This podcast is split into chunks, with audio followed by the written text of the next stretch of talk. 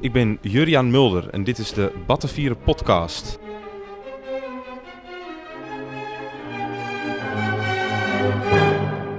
Ja, we hebben hier een heel bijzondere avond. We zitten in Sigarenlounge The Cat uh, in Rotterdam. En, en, en naast mij zit, uh, zit Matt Herben. Goedenavond. Dag Juriaan. En uh, als we hier voor ons kijken, dus het is een hele hoop leuk publiek op afgekomen. Uh, als jullie dit nu zitten luisteren en denken, nou daar wil ik ook bij zijn, dan moeten we ons vooral volgen op Facebook. Uh, dan moeten we ook uh, de Jong, Jong Leefbaar Rotterdam gaan volgen. Dan moeten we ook de jonge Fortunisten gaan volgen, want zonder die twee fantastische clubs ja, was dit niet mogelijk geweest. Zoek het dus allemaal op. Um, na dat puntje van goede orde. Um, ja, meneer Herben, de ijzeren, de ijzeren ambtenaar. De, de man die bij oprichting van LPF met Pim Fortuyn meeging op het uh, grote politieke avontuur. Hoe zou u uzelf beschrijven? Oeh, dat is een, uh, interessante vraag. Die heb ik nog nooit gehad in al die jaren. Laat ik eerst zeggen dat ik heel blij ben weer in Rotterdam te zijn. Ik, uh, het is altijd een beetje thuiskomen voor mij. hoe mezelf, ik, ik ben eigenlijk dit altijd de, de, de, de slippendrager geweest, zeg ik altijd maar zo, van, van, van mijn bazen. Ik zag, zag mezelf als, als een coach, uh, als de tweede man. Uh, ik heb namelijk, wil je in de politiek uh, iets bereiken, en de meeste politici, ik geef er ook natuurlijk wel een beetje les in en zo, en zeg ik, je moet een gezonde dosis ijdelheid en ambitie hebben om iets te bereiken. Ik zeg gezonde dosis, ijdelheid en ambitie. Het probleem is alleen, zelf heb ik helemaal geen ijdelheid en geen ambitie. Dus daarom was ik totaal ongeschikt als leider van de LPF. Dat was ook nooit mijn, mijn bedoeling. En als mijn baas niet was vermoord, was ik gewoon heerlijk onbekende Nederlander gebleven. Uh, dus um, dat, uh, mijn taak was puur om als voorlichter en als woordvoerder uit te dragen wat mijn baas, in dat geval dus Pim, vond en dat had ik eerder ook gedaan, uh, als voorlichter bij Defensie. Uh, of uh, ja, met hele, ik heb allerlei andere dingen gedaan. Ik heb ook, ben ook woordvoerder geweest van, van, van, de, van de schaatser, Yvonne van Gennep. Maar dan moet je al een oudere man zijn om dat te onthouden. Dat was jaren tachtig. dus, dus ja, dat, ik ben altijd woordvoerder geweest van iemand. En ik had dus een hele merkwaardige gewaarwording dat na de moord op Pim Fortuyn ik door mijn collega's naar voren werd geschoven. Uh, om uh, in zijn voetsporen te treden. Terwijl ik dat helemaal niet wilde. Dat was, je moet je voorstellen, dat is het idee van... Uh, je hebt een voetbalelftal, je bent coach van het voetbalelftal. want ik, ik had de, de, de kandidaat-Kamerleden begeleid en lesgegeven over staatsrecht. En wat gaan we doen en waar staan we voor? En waar staat Pim voor? En dat begon dan zaterdagochtend hier in Rotterdam. Om tien uur begonnen we met de training. En om vier uur kwam Pim dan. En die gaf dan een uurtje gastcollege. En, en daarna met een borrel sloten we af. Dat was dus de trainingssessies van de lijst Pim Fortuyn. En uh, op een gegeven moment zeggen dus die mensen tegen mij... Maar ja, maar nu Pim er niet is, moet jij het gaan doen. Dat is raar. Dus net als we aan een coach van een elftal vraagt... Uh, we misten de elfde man, nou moet jij in, de spits gaan spelen. Hoe lang duurde het voordat dat, dat begon te wennen? Of nou, heel, dat, dat heeft eigenlijk nooit gewend. Het begon pas te wennen toen het te laat was want ik, ik ben dus afgetreden in 2002 omdat ik er niet aan kon wennen. Ik was een gegeven moment, uh, moet je voorstellen, vanaf eind februari 2002 toen ik voor PIM ben gaan werken, 23 februari, uh, tot, ja, tot, tot en met de, de vorming van een kabinet in, in augustus 2002. Had ik dus een periode gehad van bijna een half jaar lang onafgebroken 100 uur werken per week. En ik was gewoon uitgeput. En ik had er echt geen zin meer in. En ik was in Duitsland op vakantie. En ik zie langs de weg allemaal affiches hangen van de Duitse verkiezingen. Met de kop erop van Duitse politici. En, eh, mijn vrouw zei tegen mij: Jouw hoofd komt toch nooit op een affiche? Hè? Ik zeg dat zeker niet. En het was op dat moment de beslissing voor mij om af te treden. En toen belde ik dus, uh, omdat ik wist dat uh, er collega's waren, jonge, ambitieuze uh, mensen die het graag wilden. onder andere Harry Wijnschenk. En maar ook toen destijds Joost Eertmans en anderen. Jullie mogen het overnemen van mij, graag. Nee, maar dat was niet de bedoeling. En ja, nou goed, een lang val kort te maken. Eh, 20 van de van 26 Kamerleden zeiden: Mat, je mag niet aftreden. De andere zes zeiden: joh, je mag het best doen, want wij kunnen het wel aan. Met name de jongere garde. En ik maakte toen de grote blunder om af te treden. Had ik nooit moeten doen. En pas daarna, ja, toen het kabinet gevallen was, toen ik zelf mijn eigen fout inzag. Hè, dat vertrouwen, eh, inderdaad, eh, dat komt te voeten, gaat te paard. Hè? Dat, eh, dat de mensen, en dat was heel voor mij een rare gewaarwording, mij hadden vertrouwd. en niet de, de rest van de partij. was het te laat. En ja, vanaf januari twe- 2003, toen ik weer lijsttrekker werd, ja, toen had ik er geen moeite mee om in de openbaarheid op te treden. Ja. Maar was het te laat. We blijven heel even nog bij, bij eh, voordat we het, het grote politieke spel weer ingaan en, en, en Pim Fortuyn. In, in sierlijke bescheidenheid bent u toch weer de politiek ingegaan. U bent nu eh, raadslid in Montfort. Ja. ja, dat is omdat ik landelijk niet meer eh, bij een partij ben aangesloten.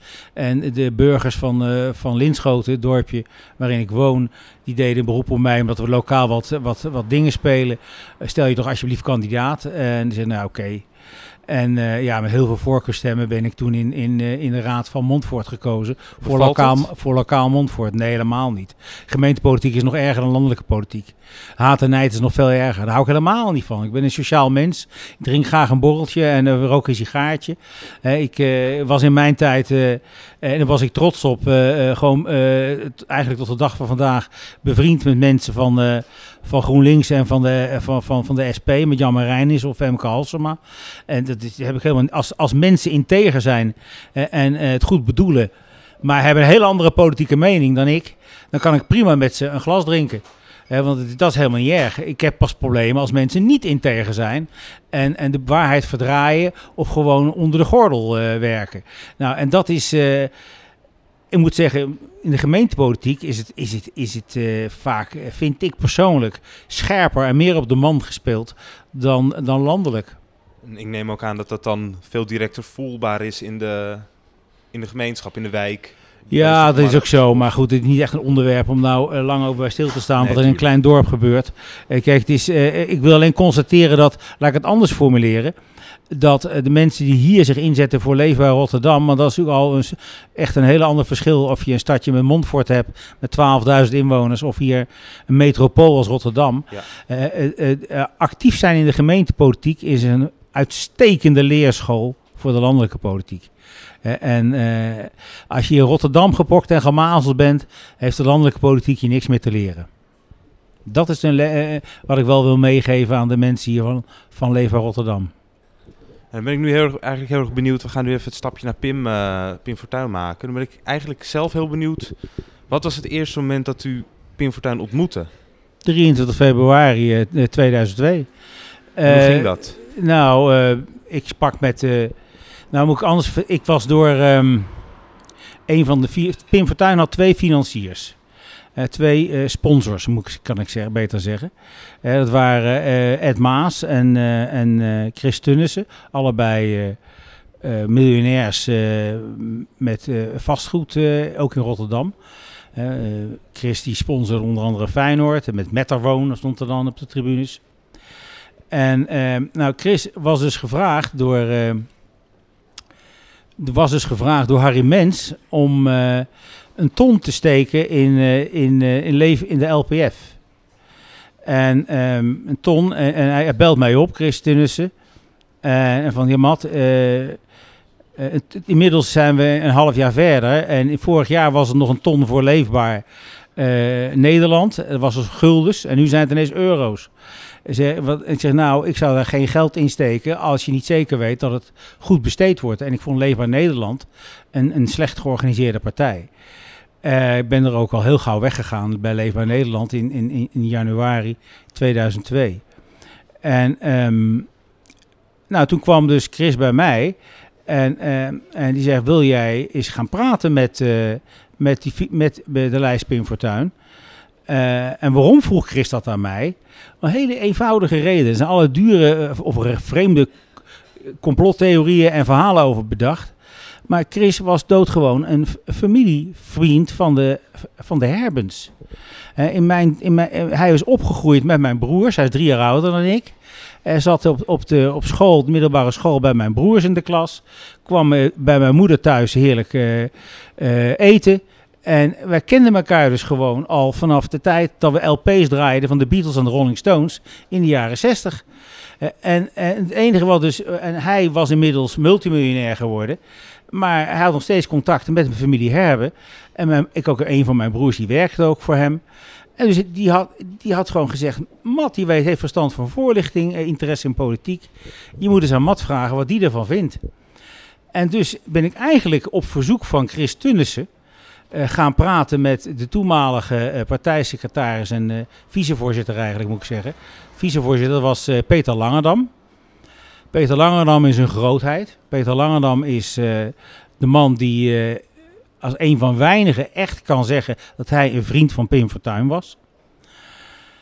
want hij kende Pim al twaalf jaar voordat Pim de politiek inging. En Pim wisselde al zijn politieke gedachten en meningen uit met Peter Langendam.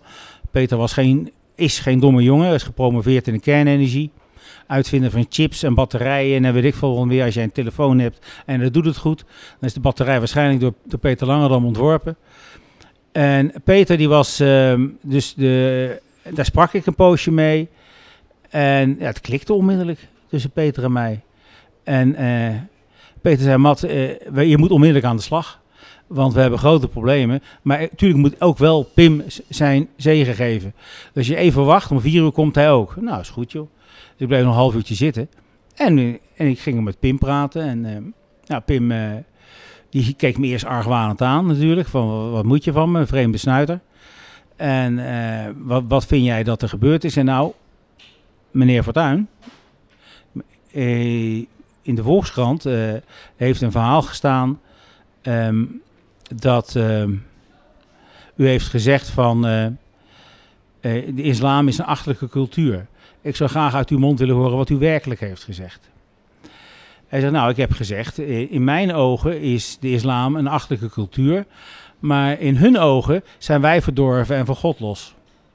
Hij zei, hoe gaan we daarmee om? Ik zei, ja, dat, een, dat, vermoed ik al, want dat is het begrijpelijke. Een journalist knipt, je haalt uit, gewoon uit een genuanceerde uitspraak precies die quote die hij wil horen. En, ja. en ik zou nooit een interview hebben gegeven aan de Volkskrant, een dragend interview aan de Volkskrant. Wat hij deed op aanraden van Kai van der Linden van Leefbaar Nederland.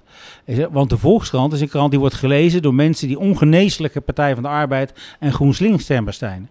Je wint er niets bij met een goed interview, maar je hebt wel een enorm afbreukrisico. Dus ik zou, ik zou de Volkskrant gemeden hebben en ik zou dat interview gegeven hebben aan een regionale krant. Uh, uh, die uh, gelezen wordt, in, omdat via een regionale krant verspreidt zich dat. Of ik zou het interview gegeven hebben aan een ANP-verslaggever. Of wat je toen had, de, de GPD-bladen, de geassocieerde persdiensten. Zeg, want die bladen zijn objectief, redelijk neutraal. En uh, mijt de Volkskrant, mijt de NRC. Nou, toen zei hij, wat mij betreft ben je aangenomen, want zo is het precies gegaan. Dat is het probleem. Oh, en ik had zo, ook, zo, zo simpel was het. Zo simpel was het, ja. Ik, omdat ik precies door, bij hem adviseerde. Wat, en ik had ook gezegd, moet ik erbij zeggen, wat zij er nog meer doen om dat beeld te corrigeren. Ik zou, ik zou uw boek De Verwezen Samenleving laten herdrukken. Ik zeg, dat gaan we doen. En ik ben de eerste man die ik ontmoet die mijn boeken gelezen heeft. Zei, en, dat, en, dat was de, en toen zei hij daarna van, uh, je bent aangenomen. Dus dat is, dus je was in, was in een half uur, drie kwartier bekeken. En toen was er een soort natuurlijke vriendschap al? Of is dat, moest nee, dat helemaal groeien? Niet, helemaal of is het niet. Er nooit moest echt, gekomen, moest echt... Uh,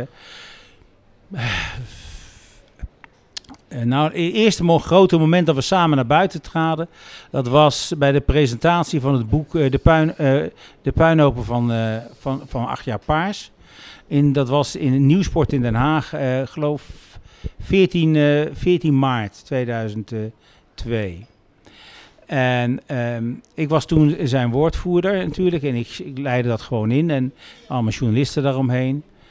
Um, en toen, omdat hij, ook, wat, toen, toen had je ook dat taartincident. Ja. En ja. Uh, dat is iets uh, waar ik ongelooflijk van gebaald heb. Uh, want dat, je staat, moet je voorstellen, je staat met Pim om een bureau hier zo. En er rukken letterlijk tientallen journalisten op naar jou. Die lopen je helemaal plat. Dus wat ik deed, is met Pim gaan beschermen met de rug naar de mensen toestaan. Ik stond zo met mijn armen gespreid, hè, Zo. Nadat die taart was... Nee, eh, ge- ervoor. Ervoor. Want ze wilden allemaal foto's maken van Pim en zo. Dus ik ging staan. Zeg, beste mensen, ze drongen allemaal op zo, hè. Ja. even wachten. En ja, jullie kunnen allemaal zo je vragen stellen. En eh, daar, ik heb geen ogen in mijn achterhoofd. Dus daar zag ik dus niet dat er dus figuren links en langs mij liepen en die taart gooiden. En, en, en later is mij verweten, je hebt bewust een stap opzij gedaan om die taartgooier door te laten. Ja, dat is natuurlijk absurd, want ik kreeg ook nog de helft van die taart mee. Eh, maar het het is, eh, maar ik stond, tegenwoordig keer ik nooit meer mijn rug toe naar journalisten. Nooit meer. Maar je weet nooit wat ertussen zit. Het is, het is, het is, eh, maar dat was dus, en, en na, na, na taartincident eh, gingen we dus naar, eh, naar eh, een kamertje apart. En toen zei Pim, en die was helemaal down hè, door het taartincident. En, ehm, en toen kwam ook zijn manager erbij. Hij had een manager, die heette Albert de Boy van de Sprekersacademie, die hier in de, ook in Rotterdam zit. Speakers Academy. En Albert was zijn manager. En ehm, die, die regelde zijn lezingen en zo door het land. En die, eh, die zei, Pim, maak je geen zorgen, want je hebt er nu gewoon vijf zetels bij. Eh, dus, eh, en ik zei, Deed dat gelijk wat? Of, en, of- eh, ja, glimlachte een beetje wrang. En, en, en wij, keken elkaar heel indringend aan. En ik zei, Pim, we blijven kalm. Dit is een moment. Iedere crisis eh, geeft je weer kansen om jouw punt naar voren te brengen. Je hebt nu de aandacht van, van de mensen. En ik zou een beroep doen op de premier. Ik zei een beroep doen. Ik zeg, doe een beroep op... eh, eh, u bent ook mijn minister-president. Laat deze verkiezingsstrijd... ehm, stijlvol en waardig verlopen. Pim deed dat natuurlijk op, eh, ik zeg het nu al een beetje klungelig, maar Pim deed dat natuurlijk vloeiend werkelijk, 20 minuten lang. Ik zou eigenlijk willen weten van journalisten of die het opgenomen hebben. Hij hield 20 minuten lang eh, voor de vuist weg een hoorcollege, waarvan je op het journaal alleen maar gezien hebt dat taartincident en de oproep van minister, meneer Kok, u bent ook mijn minister-president. Eh, dat, dat dat, hele- is het enige, maar dat, hele dat, dat hele geweldige hoorcollege wat hij gegeven had, eh, dat, dat zou eigenlijk eens een journalist moeten opdiepen. Want daar zat ik ademloos naar te luisteren. Daar, vanaf dat moment ehm, eh, hadden wij een brand. En die, ver, die, die dus verder ging dan, zeg maar, baas eh voorlichterverhoudingen. En, maar we hadden nog een incident de dag daarna. De dag daarna hadden wij de presentatie van de kandidaten van de lijst Pim Fortuyn hier in, de Rotterdam in de Spaanse kubus, in de Spaanse polder, in de kubus. En ehm, ik had daar natuurlijk keurig netjes een, een, een, een, eh, een eh, presentatie voor opgetuigd met eh, alle, alle kandidaten op een rijtje. En ik had dus gezegd van, eh, dit is dokter Jukema, die gaat Nederland helpen gezond te maken. Dit is Joost Eertmans, de secretaris van de burgemeester Rotterdam, die gaat Nederland helpen veiliger te maken. En zo had ik dus een vijftal mensen geselecteerd en dergelijke. En, ehm, en Pim moest dat dus. en ik had die tekst voor hem klaar liggen. En eh, bij de presentatie van onze kandidaten. Maar ja, Pim eh, kennende, hij hield natuurlijk een one-man show. Dus hij hield zich helemaal niet aan de tekst. Dat hoeft hij van mij ook helemaal niet te doen. Maar dat is niet erg. Maar dan moet je wel weten wie jouw kandidaten zijn. Dus hij zei op een gegeven moment tegen iemand van eh, een kandidaat die wat lager op de lijst stond. van waar sta je? Ja, die stond naast hem. Maar dat wist hij niet. Dus, dus ik zat daar gewoon op dat moment, ik was woedend. Want want eh, eh, ik zie mijn hele presentatie voor in, duigen vallen. Omdat duidelijk werd voor een kwaadwillende journalist dat Pim niet al zijn kandidaten persoonlijk goed kende. En, en hij duwde ook gewoon de microfoon in de handen van bijvoorbeeld eh, van, eh van Varela, zal ik maar zeggen. João, vertel eens wie je bent. Ja, die werd daardoor verrast, want die had gedacht dat Pim zou zeggen dit dat hij zou worden voorgesteld door Pim. Kortom, ik was echt pissed off. Mede omdat in de coulissen hingen ook een eh, eh, aantal eh, kandidaat-Kamerleden behoorlijk eh, laveloos te wezen. Die vonden het zo, vreselijk gezellig, die hadden te veel in het glas gekeken. Dus ik, zei, ik, toen ik naar huis ging, zei ik heel chagrijnig tegen Pim, met enige, met enige Je kan het journalist niet kwalijk nemen als vanavond op Nova, zoals toen Nieuwsuur heette, wij volledig worden neergesabeld. want dit is, die presentatie is helemaal niet goed verlopen. En ehm, het viel eigenlijk reuze mee. Want, eh, eh, de, want, eh, want er waren nog genoeg dingen overgebleven bij die presentatie. En gelukkig hadden we maar een paar minuten zendtijd. Waardoor eh, het feit dat ik een ladder zat, de kandidaat in hem afvoerde in de taxi en zo niet gefilmd was. Dat, dat, dat, eh, dat, eh, dat daardoor ehm, het eigenlijk wel meevoelt. Maar ja, de dag daarna zei Pim, hadden het we... een- oog van de naald. eh, hadden we, een pers, we hadden natuurlijk weer een persconferentie, want het ging aan de lopende band door. En, de lo- en toen zei Pim heel zuur, ik moet van mijn voorlichter zeggen dat... En dus- die zat hij me aan te grijzen. En dat was eigenlijk het moment, dus kun je zeggen 16 maart, dat we vrienden werden. Hè, gewoon dat hij, dat we, dat- juist doordat, doordat we het akkefietje gehad hadden over dat... eh, dat- 16 maart. ja, dat kun je eigenlijk, kun ik eigenlijk dat we het akkefietje gehad hebben. En vanaf 16 maart tot, eh, ja, tot de moord op 6 mei hadden we dus iedere dag, moet je je voorstellen, iedere dag minimaal zes interviews. Minimaal. Los van de radio-uitzending en dergelijke. Hè. Dus eh, we begonnen normaal gesproken van 12 tot 6. En ik had voor iedere journalist een uur ingepland. Maximaal. En op een gegeven moment moest ik gaan oprekken naar dan 10 uur in de ochtend. En eh, om, om, ja, dan ben ik nog niet wakker. Ik zei, ja, we gaan nu de vrede sluiten met NOS Journaal. Eh, want die hadden net geroepen van een cd van Job Frieso. eh, van, die had gezegd van, ja, eh, eh, onaardige dingen gezegd over Pim Fortuyn. Hè, en het NOS Journaal. En ik heb Job Frieso en eh, Maurice Piek eh, eh, uitgenodigd om eh, hier ook te komen. En ehm, die vinden jou eigenlijk als man heel aardig, maar als politicus niet. Ik zeg, dat is de jouwe informatie. Zeg, oh, oh. Zeg, ja, nou, maar ik ben nog niet helemaal aangekleed, s ochtends om eh, half tien. Dat is niet zo erg. Dus het NOS-journaal kwam dus binnen om half tien s ochtends. Ik zeg, zeg, Pim is nog niet klaar. Dus ik liet hem, of hij deed het zelf uiteraard. Hij, ja, die lange mooie trap in zijn huis kwam hij af naar beneden schrijden in zijn pantalon met bretels. En alleen in zijn onderhemd aan met zijn gespierde torso. Nou, ik zag, ik zag, ik zag Job Frieso redelijk likkerbaarden. En eh, sindsdien eh, was de vrede met NOS Journaal weer getekend. Dat zijn van die kleine, dat zijn van die kleine dingetjes waar je als, eh, als voorlichter ontzettend veel lol aan kunt beleven. Als je, als je iets kunt bereiken om jouw baas hè, goed voor het voetlicht te krijgen. Dat je dus gebruik maakt van de zwakte, zogezegd, van een journalist. En eh, de zwakte van de journalisten van het NOS-journaal was dat ze niet tegen de persoonlijke charme van Pim waren opgewassen. Maar kijk, hoe, hoe kijken jullie elkaar dan na zo'n situatie dan ook weer aan? En, en, Breed grijnzen natuurlijk. Dan lachen we. Ja, het is, eh, het is echt, eh, dat zijn echt van die dingen die, die, die gewoon heel leuk waren. En we hebben natuurlijk in die tijd, moet je je voorstellen, al die, er de- iemand, was ook een tv-programma. Eh, zei ze, ja, een mat heeft een, eh, een lijntje met Pim, zeiden ze dan. Hè? Nee, heb ik helemaal niet. Dat was eh, ook nooit gezegd. Dat was Harry Mens die dat- riep. Ik heb nooit gezegd dat ik een lijntje met Pim heb. Ik heb alleen gezegd, ik kan wel dromen wat hij zegt. Om de simpele reden dat als je dus twee maanden lang aan de lopende band interviews hebt gehoord, tientallen en tientallen en tientallen interviews, kan ik iedere vraag voorspellen die gaat komen. En ook ieder antwoord eh, die, wat hij ging gegeven had. Dat is de enige reden. Ik zei, ik kan wel dromen wat, zijn, wat hij gaat zeggen. Of wat hij, om de simpele reden dat, dat ik er letterlijk, maar misschien wel honderden uren eh, opgezogen had met interviews en, en teksten en verhalen. Van medische tijdschriften tot alle kranten, buitenlandse omroepen.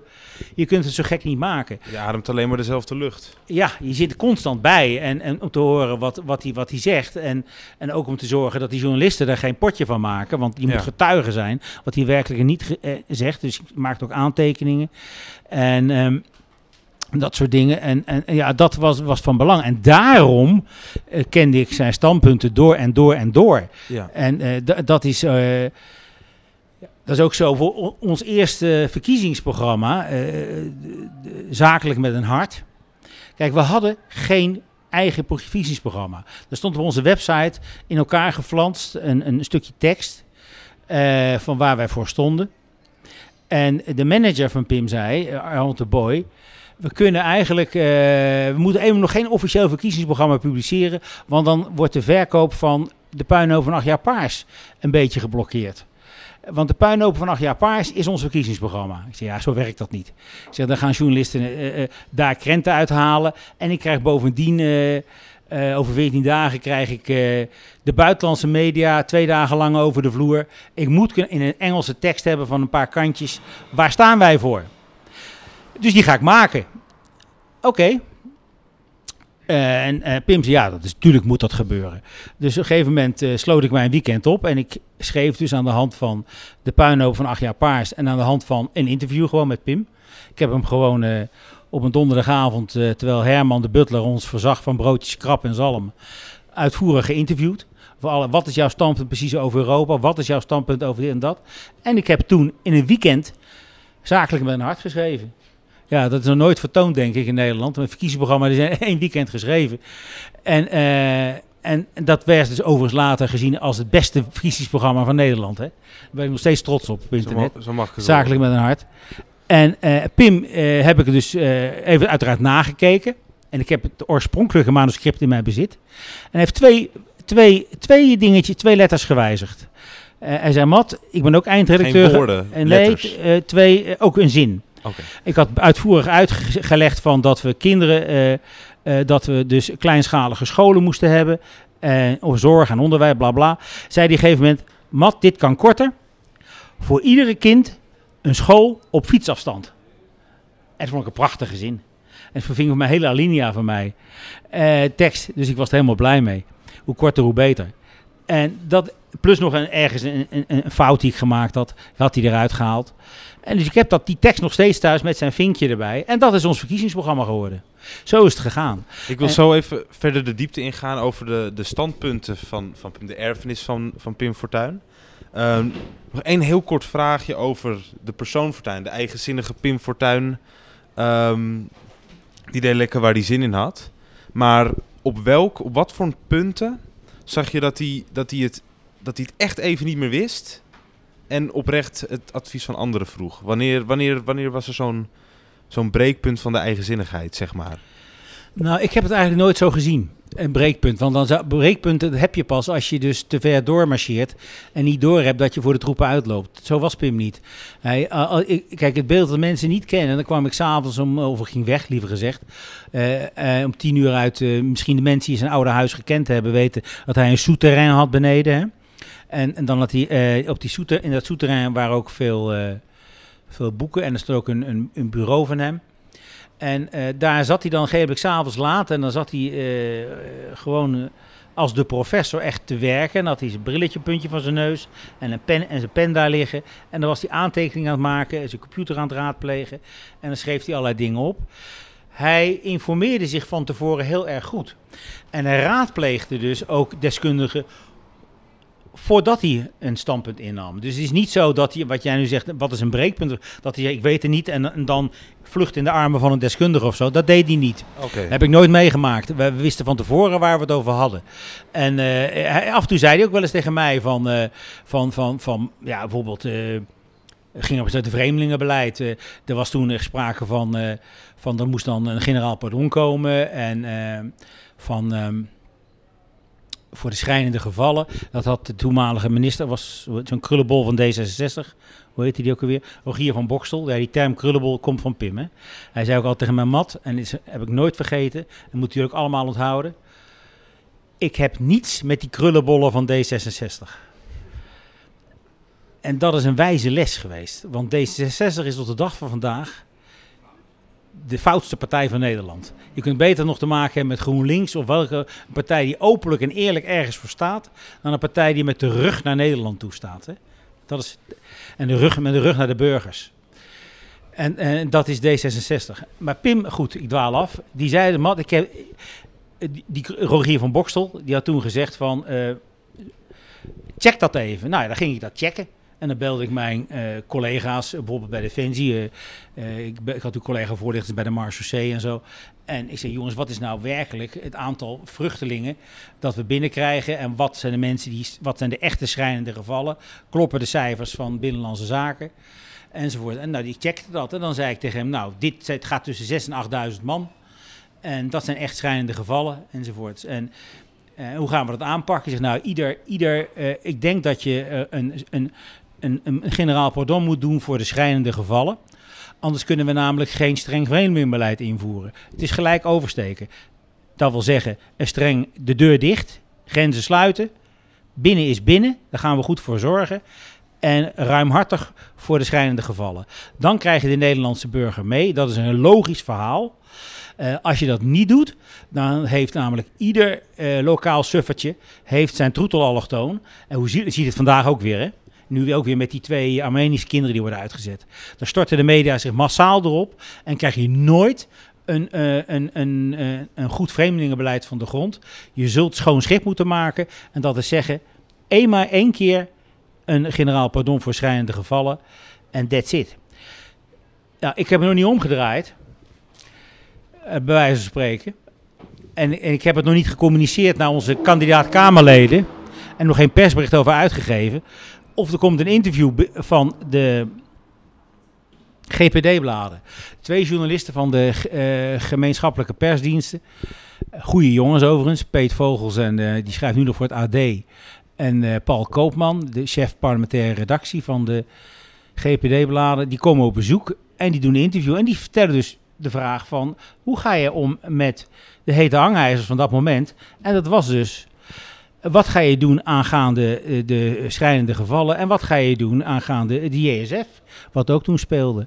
En tot mijn stomme verbazing zegt Pum dus zonder één slag om de arm te houden, zegt hij op een gegeven moment, uh, we gaan zorgen voor een uh, generaal pardon en uh, schrijnende gevallen en die JSF zal er ook wel komen.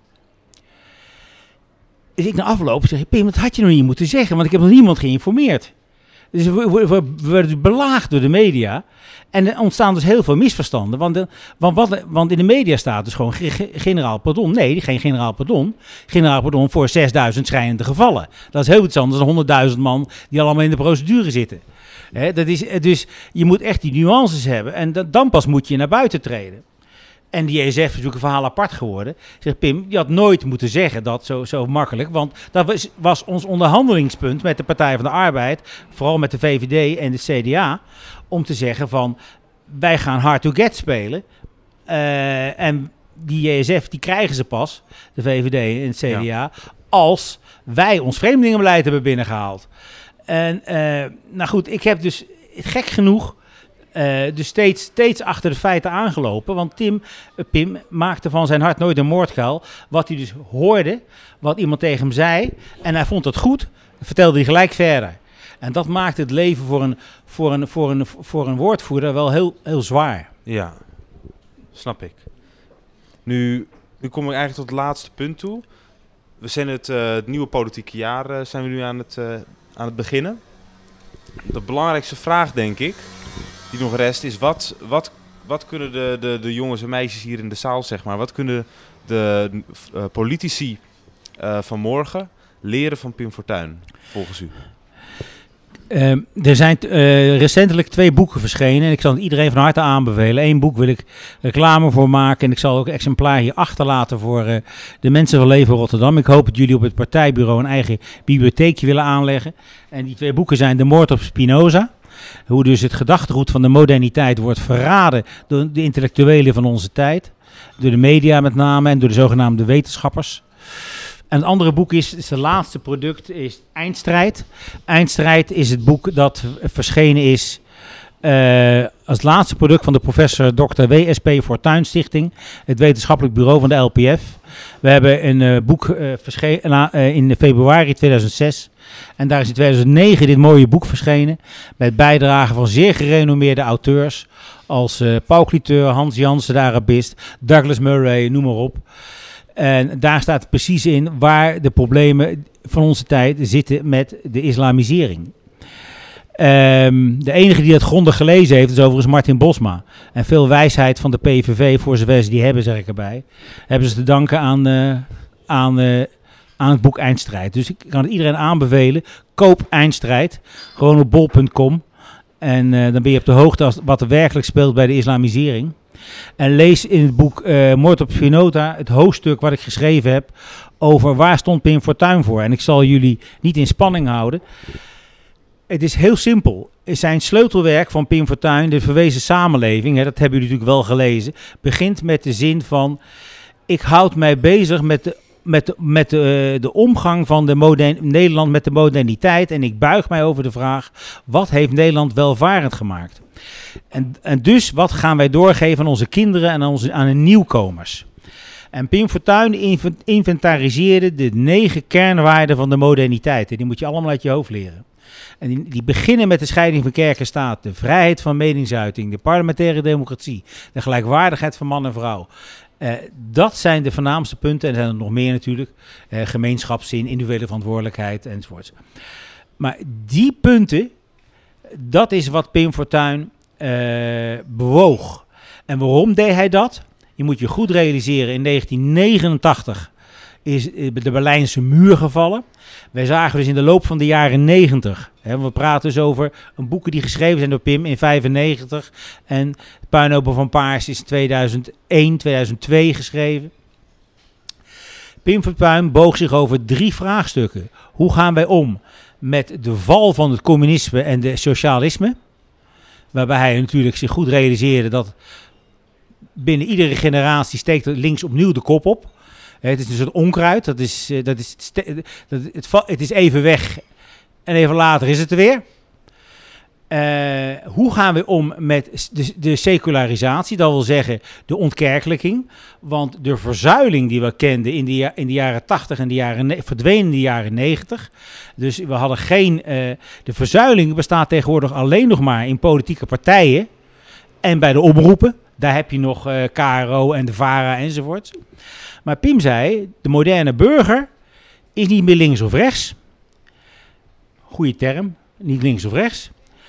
De moderne burger is, uh, de moderne burger die staat gewoon voor, die vindt het normaal dat je sociale verworvenheden hebt, dat je een verzorgingsstaat hebt, maar daarom ben je nog geen socialist. De moderne burger hecht aan vrijheden. Iedereen. Maar daarom ben je nog niet per se een liberaal. Daarom zijn begrippen als liberaal en socialist achterhaald. Daarom waren wij trots te zeggen, wij zijn fortunist. Wij zien die problemen, lossen het op. Dus de verzuiling, de ontkerking, de secularisatie, de verdwijning van het communisme, het socialisme, hoe gaan we daarmee om? En het derde natuurlijk, de opkomst van de militante islam. Hoe gaan we daarmee om? Dat waren de drie vraagstukken waar Pim Fortuyn zich over gebogen heeft. En waarover iedere politicus en iedere journalist zich zou moeten buigen. Hoe gaan we om met de, zingeving in onze maatschappij, met de, verzuil, met, met, de, met de verzuiling, met de ontkerkelijking enzovoort. zeker gezien het feit dat we te maken hebben met een militante cultuur als de islam. En uh, hoe gaan we om natuurlijk met uh, uh, de linkse kerk? want die is... die is Hardnekkig. Hard, je zegt het netjes, dankjewel. Ik denk dat we het hierbij laten. Kijk. Als je het mij vraagt, fantastisch gesprek. Ik denk dat iedereen ook, als we dit applaus zou horen, genoten heeft. Ik zie veel glimlach, ik zie veel duimpjes. Meneer Herbe, ik ga u bedanken. Ik geef Graag gedaan, Julian. Dan stoppen we hier de opname. Bedankt voor het luisteren en tot de volgende keer.